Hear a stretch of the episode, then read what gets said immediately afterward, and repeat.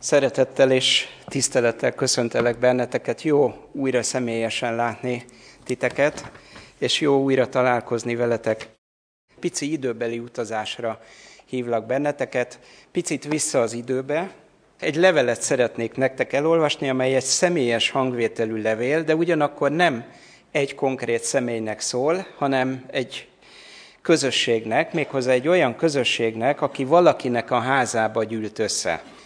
Ez a levél időszámítás szerinti 60 körül íródott, aki írja, azt Pálnak hívják, és akinek írják, őt Filemonnak hívják. Gondoljatok erre az élethelyzetre úgy, mintha ti most Kolosséba lennétek, ott élnétek, és mintha Filemon itt ülne köztünk, és mintha neki írná Pál, de ugyanakkor mi is halljuk, hogy mit írt Pál. Tehát még egyszer, Filemoni levelet szeretném nektek elolvasni, és hallgassuk olyan szívvel, hogy mi az, amivel az Isten megszólít bennünket ezen keresztül. Pál, Krisztus Jézus fogja, és Timóteus, a testvér, Filemonnak, ami szeretett testvérünknek és munkatársunknak, Appiának, ami testvérünknek, Archiposznak, ami bajtársunknak, és a házadban lévő gyülekezetnek. Ezek vagytok ti, ezek vagyunk mi. Kegyelem néktek és békesség Istentől, a mi atyánktól, az Úr Jézus Krisztustól. Hálát adok mindenkor az én Istenemnek, amikor megemlékezem rólad imádságaimban, mert hallok a te hitedről és a szeretetedről, amely az Úr Jézus és minden szent iránt van benned. És imádkozom azért, hogy a hitünkben való közösséged eljutasson téged mindannak a jónak a megismerésére, amely Krisztusért van bennünk. A te szeretetedben sok örömünk és vigasztalásunk volt, mert a szentek szíve felüdült általad, testvérem. Krisztusban tehát egészen nyíltan megparancsolhatnám neked azt, ami kötelességed volna, a szeretet miatt azonban inkább csak kérlek, mert ilyen vagyok én, az öreg Pál, most még fogó is Krisztusért. Kérlek pedig téged az én fiamért, akit a fogságban szültem, Onézimusért, aki egykor neked haszontalan volt, most pedig neked is, és nekem is hasznos. Visszaküldöm neked őt, vagyis az én szívemet. Pedig magamnál szerettem volna tartani, hogy helyettet szolgáljon nekem az evangéliumért szenvedett fogságban. Döntésed nélkül azonban semmit sem akartam tenni, hogy a jó tetted ne kényszerű, hanem önkéntes legyen.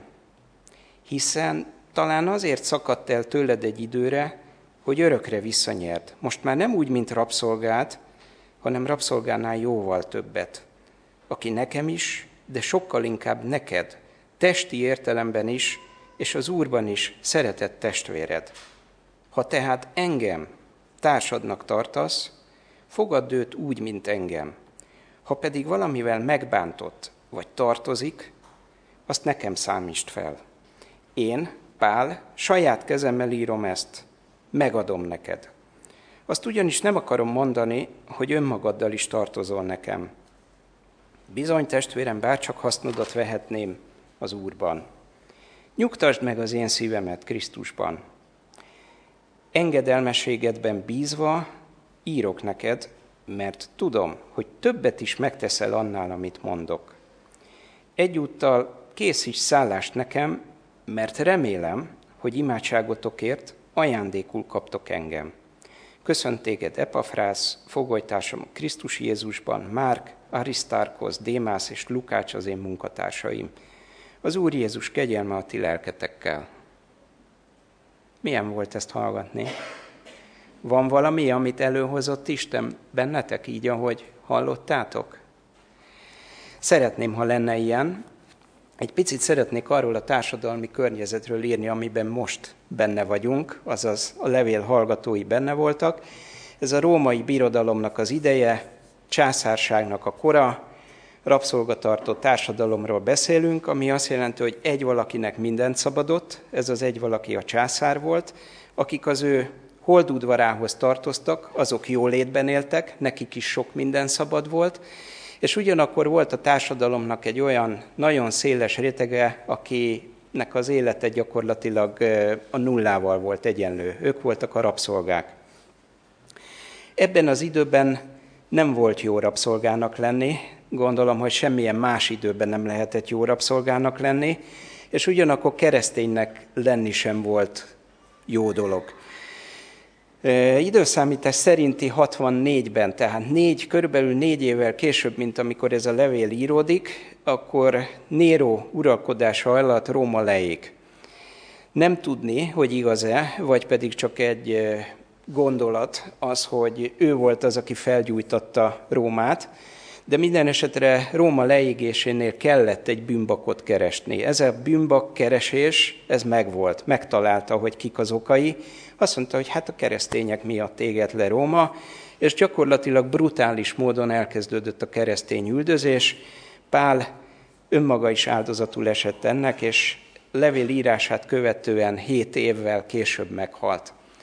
Jézus halálát követően vagyunk körülbelül egy olyan 27 évvel, amikor ez a levél íródott, aki írja, azt tudjuk, hogy Pál. Őróla nem szeretnék nagyon sokat mondani, mert rengeteg mindent tudunk róla. Szerintem ti sokkal többet, mint én.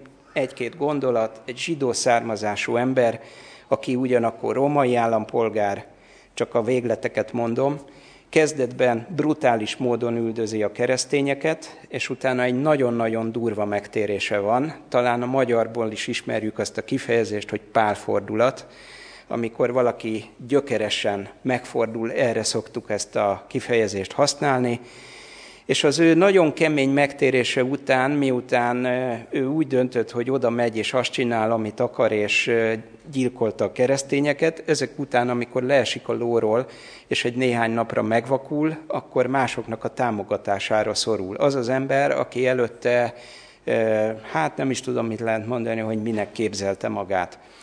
Ezután a megtérése után Pál döbbenetes energiával járja a világot, az akkori világot, egészen Makedóniától, Ázsián keresztül, Szíria, Izrael vidékét, fogságba is esik, esik többször, és az ő szolgálatán, az ő életén keresztül rengeteg ember megtér.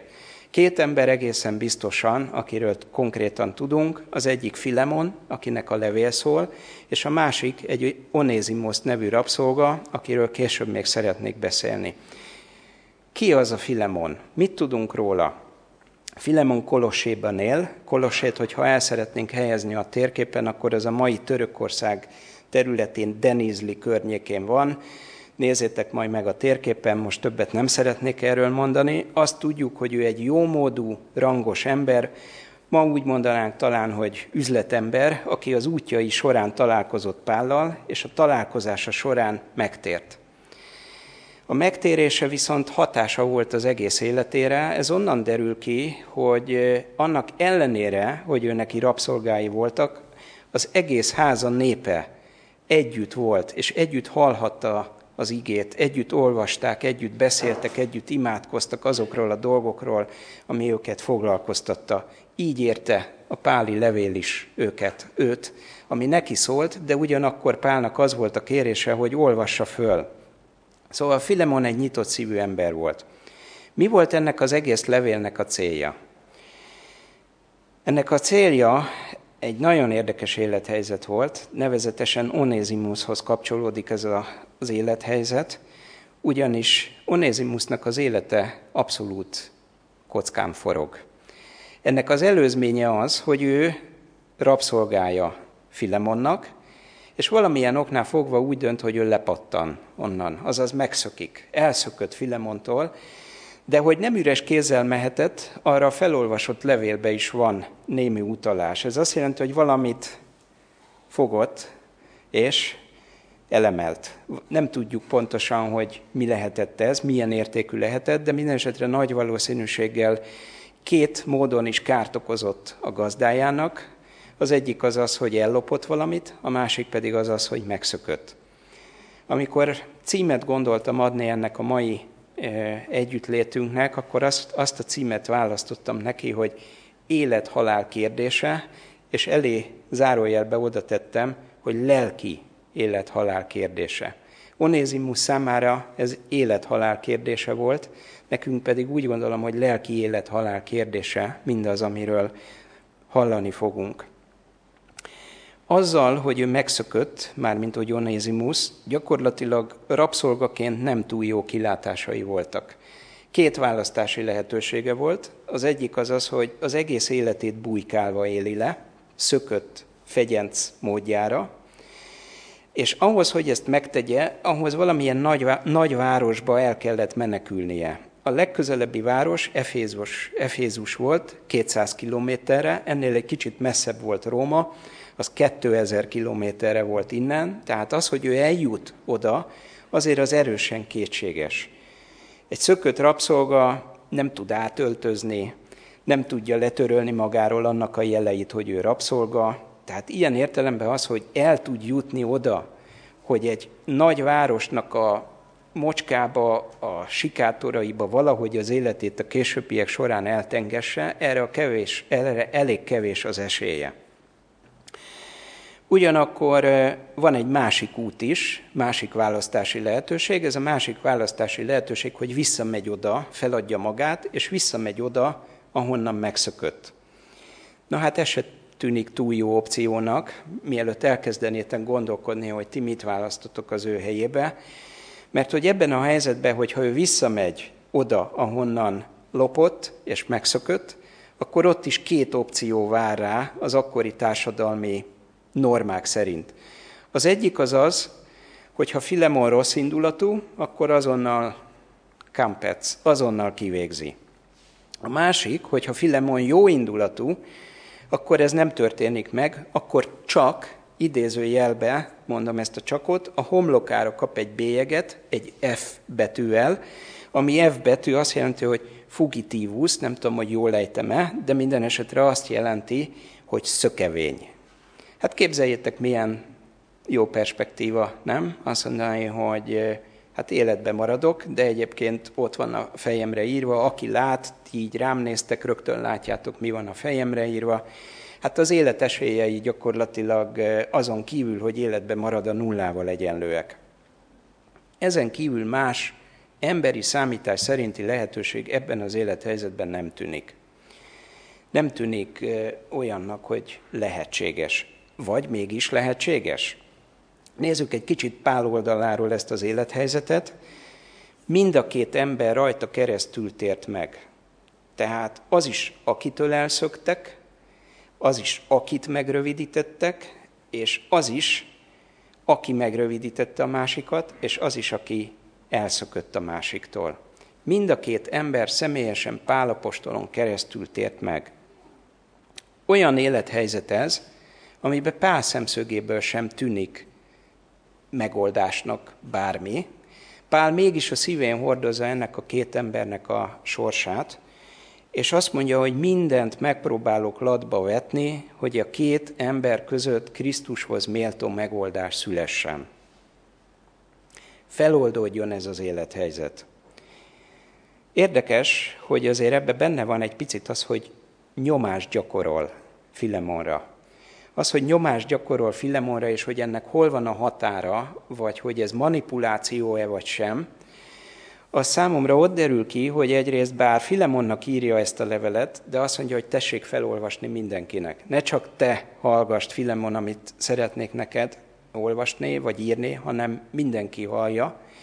A másik pedig, hogy a levelét úgy zárja le, hogy azt mondja, hogy hát ha jól imádkoztok, akkor megyek hozzátok, készítsés szállást. Tehát fogunk találkozni személyesen is, fogunk tudni erről a dologról beszélni személyesen is. Ez úgy tűnik, hogy belefér. Viszont nagyon érdekes az a dolog, hogy ezt az egész levelet a hallgatóság előtt úgy írja meg Pál, hogy csupa jót ír benne Filemonról.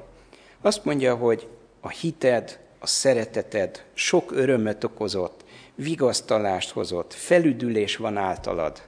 Hát ezt jól lehetett hallani Filemonnak, nem? Amikor füle hallatára, hogy körülülik a kolosebeli vagy budafoki testvérek, és csupa jót hallanak róla, az, az, ez tetszhetett neki, azt gondolom. Semmi rossz, pedig ha Pál ismerte Filemont, akkor biztos tudott volna egy-két rossz tulajdonságot mondani róla. Mégsem mond. Aztán a másik, ami nekem föltűnt, és amikor ezt a levelet választottam, akkor ez volt az első gondolat, ami engem nagyon megragadott, az a nyolcadik vers, az, hogy nem parancsot ad, nem utasít, nem ír elő dolgokat. Feltételes módban mondja, azt mondja, pedig megparancsolhatnám neked, de mégse teszem. Mi miatt nem teszem? Ott van az a pici szó. A szeretet miatt nem teszem. Ezért nem teszem. A szeretet miatt inkább csak kérlek. Ezt mondja Pál.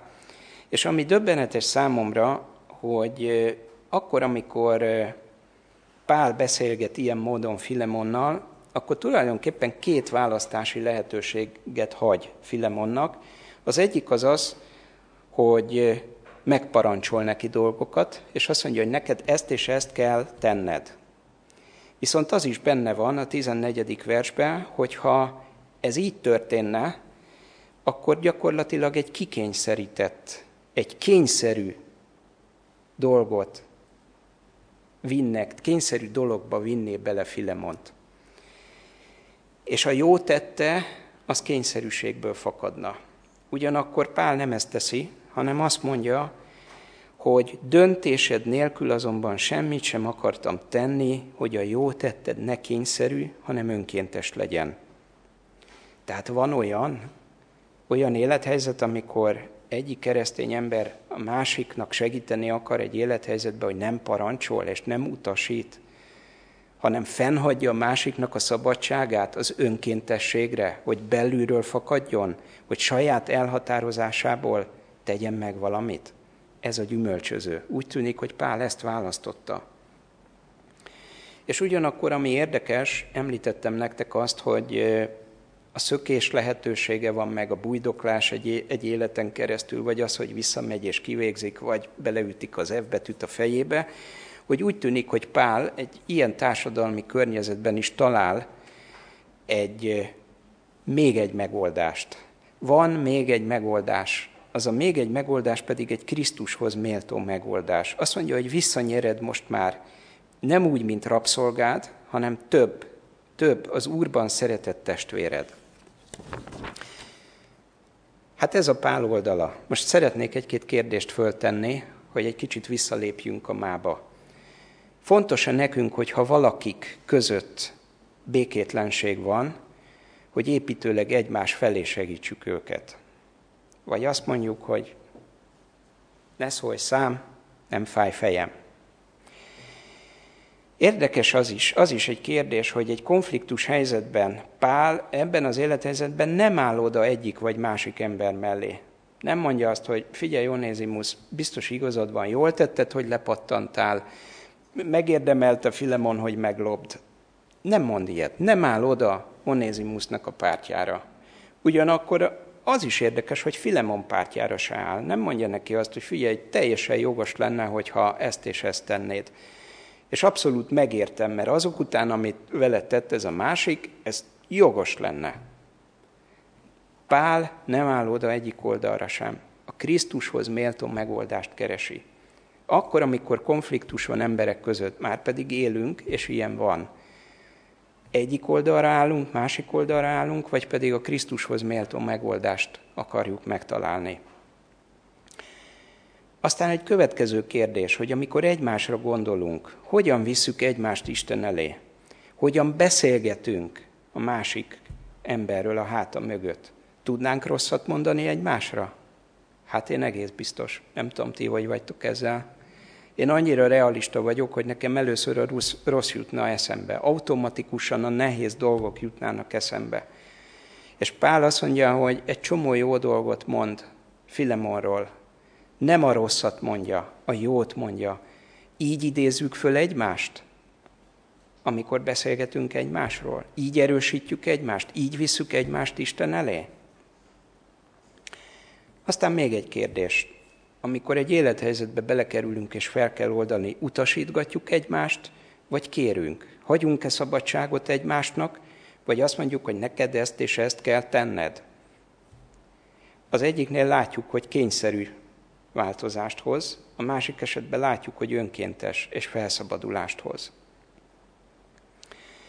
Krisztushoz méltó megoldást keresünk, vagy pedig azt mondjuk, hogy valami praktikus megoldást keresünk. Ne adjuk alább, mint az, ahhoz, hogy Krisztushoz méltó megoldást keressünk. Nézzük egy kicsit Onézimus oldaláról is ezt az egészet. Hát azt mondom, hogy nincs jó helyzetben. Sőt, nagyon rossz helyzetben van. Az ő oldaláról elmondtam, hogy milyen döntési helyzetek vannak. Praktikusnak tűnik egy életen keresztül nem bujkálni, de mivel ő megtért, és Pál találkozott vele, fogságban találkoztak, és megtért, úgy tűnik, hogy ez az egész hatással van Onézimusnak az életére. Tudja azt, hogy ez nem csak a fejemben egy kérdés, hogy hiszek az Úr Jézusban, hanem hogy ebből nagyon sok gyakorlati teendő fakad. Például valahol valamit elkövettem, akkor oda visszamegyek, azzal szembenézek. Akkor azt mondom, hogy megfordulok, és ahonnan jöttem, ott ezt a dolgot nyíltan, őszintén és egyenes módon, korrekt módon igyekszem feloldani. Semmi jóra nem számíthat. Ne felejtsük el, az ő szemszögéből úgy néz ki ez az opció, hogyha visszamegy, hogy vagy azonnal megölik, vagy pedig egy életen keresztül hordozza a bélyegét annak, hogy ő mit tett a múltban. Kérdés. Mi nem szoktuk elvenni egymásnak a pénzét, mi nem szoktuk elvenni egymásnak a vagyonát. Azt mondhatnánk, hogy ez az egész dolog rajtunk kívül esik. Mi nem lopjuk meg egymást. De hogyha magyarba egy-két, magyar nyelve nagyon kifejező, hogyha egy-két olyan dolgot mondok nektek, hogy ellopni a másiknak a békességét. Hát ilyen velem sose történne. Aztán, ha azt mondom, hogy megrövidítem a másiknak a jó hírét, vagy azt mondom, hogy a legszebb élveit, éveit szerelemben, legszebb éveit veszem el a másiknak, vagy esetleg azt mondom, hogy felteszek egy bejegyzést, kinek, kinek, hova, Facebookra, Instagramra, TikTokra, osszátok be, melyik generáció hova, írok egy e-mailt, megosztom másnak azt, amit más közzétett, gyakorlatilag ennyi, amivel le lehet rombolni a másik emberbe vetett bizalmat. Akkor mi most lopunk, vagy nem lopunk? Megrövidítjük egymást, vagy nem rövidítjük meg egymást? Milyenkor a zonézimus szempontjából a megoldás? Szembenézés, visszamegyek oda, ahol ezt tettem, abba hagyom, megtérek, nem teszem többet, és bocsánatot kérek. Nincs nála ennek az élethelyzetnek a kulcsa, de ugyanakkor ő is kell a döntéshez. És akkor most nézzük egy kicsit Filemon oldaláról.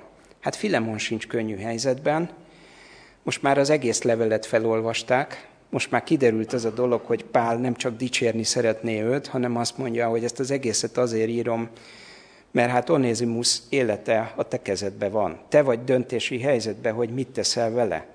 Mit teszel vele, hogyha visszamegy? Mit teszel vele akkor, hogyha azt mondja, hogy megjöttem, szembenézek azzal, amit tettem, abba hagyom, bocsánatot kérek, igyekszem a kárt megtéríteni, bár ennek erre a Onézimusnak az anyagi lehetőségei nem voltak meg, sőt, Pál azt mondja, hogy én megtérítem, de úgy tűnik, hogy Pálnak sincs meg a lehetősége. Szóval Onézimus helyett Filemon van abból a helyzetben, hogy ő szenvedi el a veszteséget.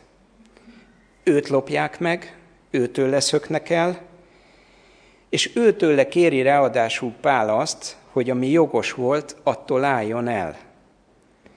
Ne, végezt, ne végezze ki a másikat, ne bélyegezze meg a másikat úgy, hogy egy életre arról, arról kódul a másik, ne tegye ezt meg, ne vegyen elégtételt. Ő volt a vétlen, ő volt az ártatlan, őt rövidítik meg, és tőle kérnek ilyet. Amikor Filemon ezt meghallhatta, elolvasták ezt a levelet neki, vagy ő főleolvasta, akkor azt gondolom, hogy rögtön beugrott neki az, hogy Krisztus pont ilyen helyzetben volt ő vele kapcsolatban. Pont hasonló helyzetben volt ő, ő vele kapcsolatban, és beazonosíthatja azt, hogy Krisztus volt az, aki elszenvedte, ő érte a veszteséget. Krisztus volt az, akit az atya arra kért, hogy jogos lenne megbüntetni Filemont, jogos lenne megbüntetni engem. És mégis Jézus elvitte az áldozatot. ő maga lett az áldozat ebbe az élethelyzetbe. Jézusnál volt a megoldás kulcsa, ebbe az élethelyzetbe Filemonnál van ennek az élethelyzetnek a feloldásának a kulcsa.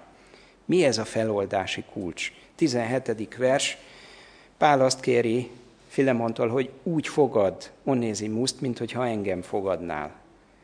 Na ne keverjük már össze a dolgokat, nem? Ne keverjük már össze Pált. Pált persze, hogy szívesen fogadnánk. Hát mekkora embere az Istennek. Na de Onézimuszt? A tolvajt? A szökevény? Na jó, megtért. Na de akkor is. Hát lopott, hát megszökött. Pál, nem kérhetsz tőlem ilyet. Ha te jössz, az rendben van, de ha ez a másik ember, menjen vissza oda, ahonnan jött. Ne is jöjjön erre. Szökjön egy életen keresztül. Legyen Rómába, jusson el oda, ahol sikátorok között éljen. Ezek olyan gondolatok, amik belőlünk jönnek egy ilyen élethelyzetben. Nem az a baj, ha jönnek, az a baj, ha így marad. Az a baj, hogyha ezek után Filemon így viszonyulna Onézimushoz, de nem így viszonyul hozzá. Neki nem kell Krisztus szerepét játszania, neki nem kell abba a szerepbe tetszelegnie, hogy ő az áldozat. Neki egyszerűen csak annyit kell, hogy a másikat azzal a lelkülettel fogadja, hogy Pál oda küldi. Csak. Erősen idézőjelbe ez a csak. Minnyájunk életébe erősen idézőjelbe ez a csak. És hogy mi történik? Hát egy érdekes dolog, Kolossai levélnek egy mondata utal arra, hogy mi történik. Kolossai levélnek a legvégén, negyedik rész, 7., 8., 9. verse, csak azért, hogy érthető legyen. Ezt is Pál írja a kolossebelieknek. Az én egész helyzetemet megismerteti majd veletek Tükikosz, nem biztos, hogy jól ejtem, a szeretett testvére, a hű diakónus, szolgatársam az Úrban. Őt éppen azért küldtem hozzátok, hogy megismerjétek körülményeinket, és hogy megvigasztalja a szíveteket. És akkor most jön egy érdekes mondat, vele megy Onézimus is, a hű és szeretett testvér, aki közületek való. Ők tehát minden tudatnak veletek, ami itt történik, stb. stb. Folytatódik a kolossai levél tovább. Tehát úgy tűnik, hogy Filemon ebbe a nehéz élethelyzetbe azt mondta Pálnak, hogy az volt a válasza, hogy jöhet. Mármint, hogy Onézimus jöhet. Nem lehetett könnyű kimondani ezt, hogy akkor jöhet, és úgy tűnik, hogy jön is. És amilyen képet Pál fest Onézimusról, a számomra megdöbbentő. Nem azt mondja róla, hogy megy vissza hozzátok az a valaki, aki megtérése előtt ezt és ezt tette, próbáljatok rá odafigyelni, vagy legyetek óvatosak vele, mert ki tudja, hanem azt mondja, hogy a szeretet és hű testvér, aki közületek való. Hát ennél jobban nem lehetett volna építeni Onézimusnak a, a hírnevét idézőjelbe. Mi történik akkor, mi a gyümölcse annak, hogyha valaki úgy tud cselekedni, mint Filemon? Hát a 20. versben van egy nagyon érdekes gondolat. Pál azt mondja, hogy nyugtasd meg az én szívemet Krisztusban. Más fordítás ezt úgy fordítja, hogy üdítsd fel, felüdíted a szívemet Krisztusban.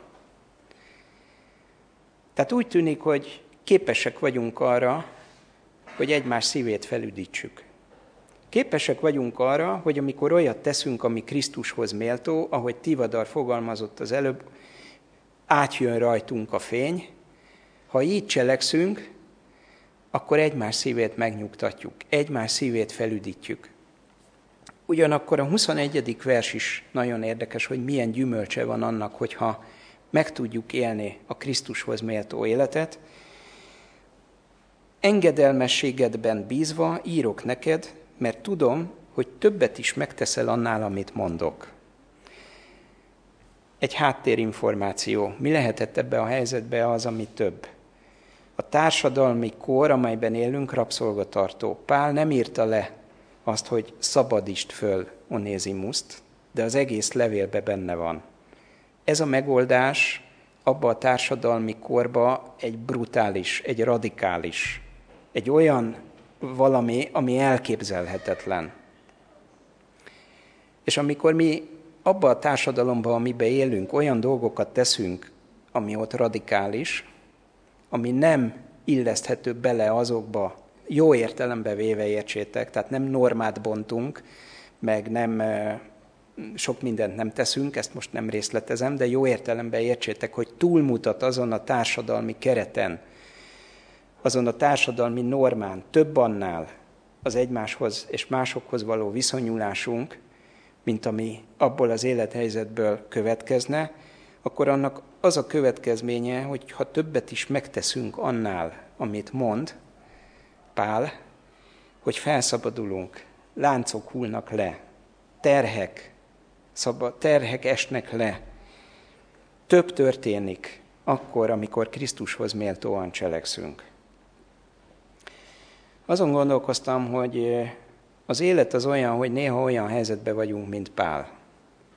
Hogy próbálunk valakiket összepékíteni. Néha olyan helyzetben vagyunk, mint Onézimosz, hogy valakit megrövidítünk. Néha olyan helyzetben vagyunk, mint Filemon, kihívások elé kerülünk, és valaki felé nekünk kell valamit elengedni, és nekünk kell kimondani azt, hogy jöhet.